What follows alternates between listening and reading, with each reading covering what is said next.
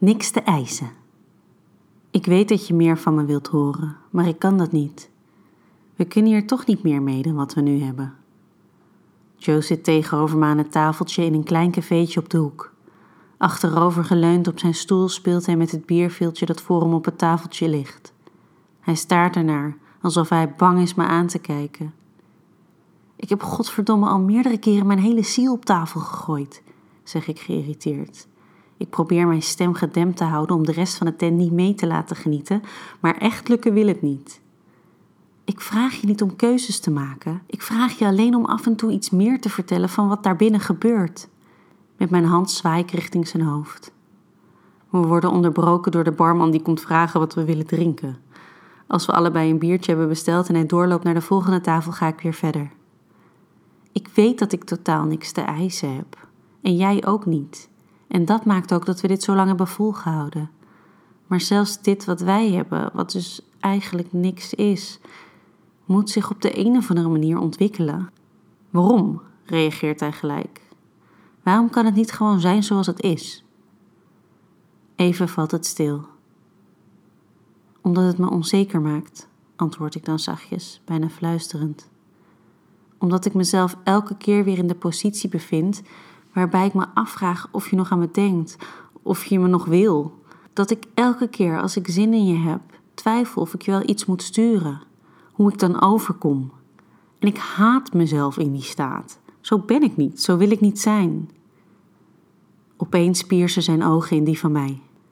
Ik wil je. Ik wilde je al die jaren geleden en ik wil je nog steeds. Je doet iets met me.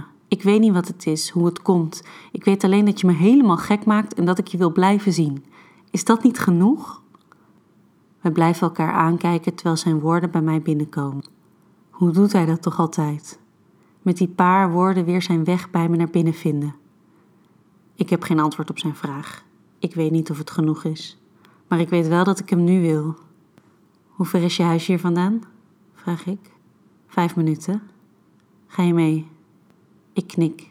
Hij springt op en ik loop achter hem aan naar de deur van het café.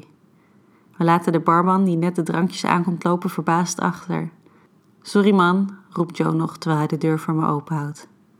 We zijn nauwelijks het café uit of hij duwt me tegen de muur en begint me te zoenen. Hmm, wat heb ik dit gemist.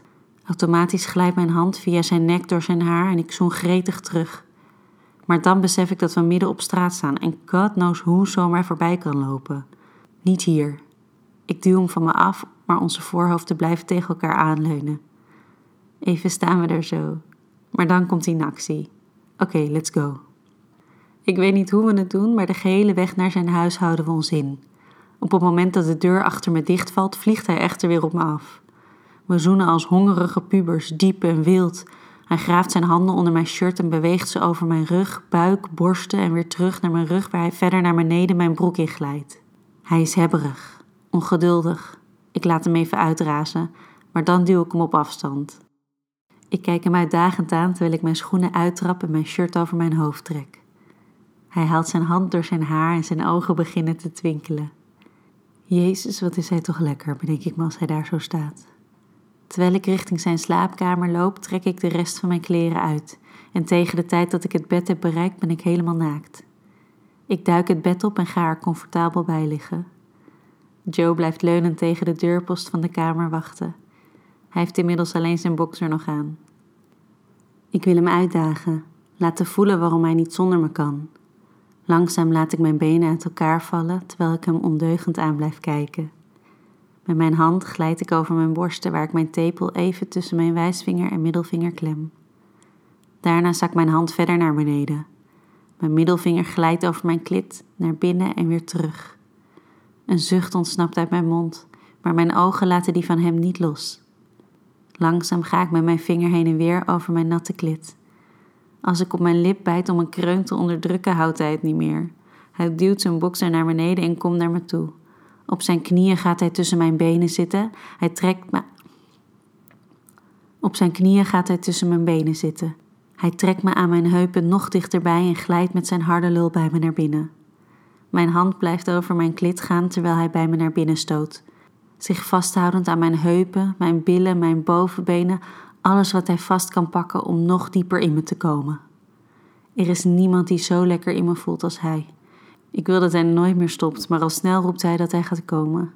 Ik zet een tandje bij met mijn vingers en beveel hem te wachten. Dan spant alles in me zich aan rond zijn lul en kan hij zich ook laten gaan. Samen komen we keihard klaar. Hij blijft nog een tijdje zachtjes heen en weer gaan voordat hij zich naast me op zijn bed rolt. Even later kom ik overeind om mijn kleren bij elkaar te zoeken. Wat ga je doen? vraagt hij verbaasd. Me aankleden, antwoord ik alsof het een domme vraag is. Kan je blijven? Nu is het mijn beurt om verbaasd te zijn. Ik weet het niet. Kan ik dat? Kaats ik de bal terug. Hij komt overeind om me te zoenen. Even speelt zijn tong met die van mij. Dan antwoordt hij: Wat mij betreft wel. Even twijfel ik, maar dan besluit ik me niet zo snel gewonnen te geven. Misschien een volgende keer, zeg ik. Ik geef hem nog een kus, kleed me weer aan en loop zonder nog om te kijken de deur uit.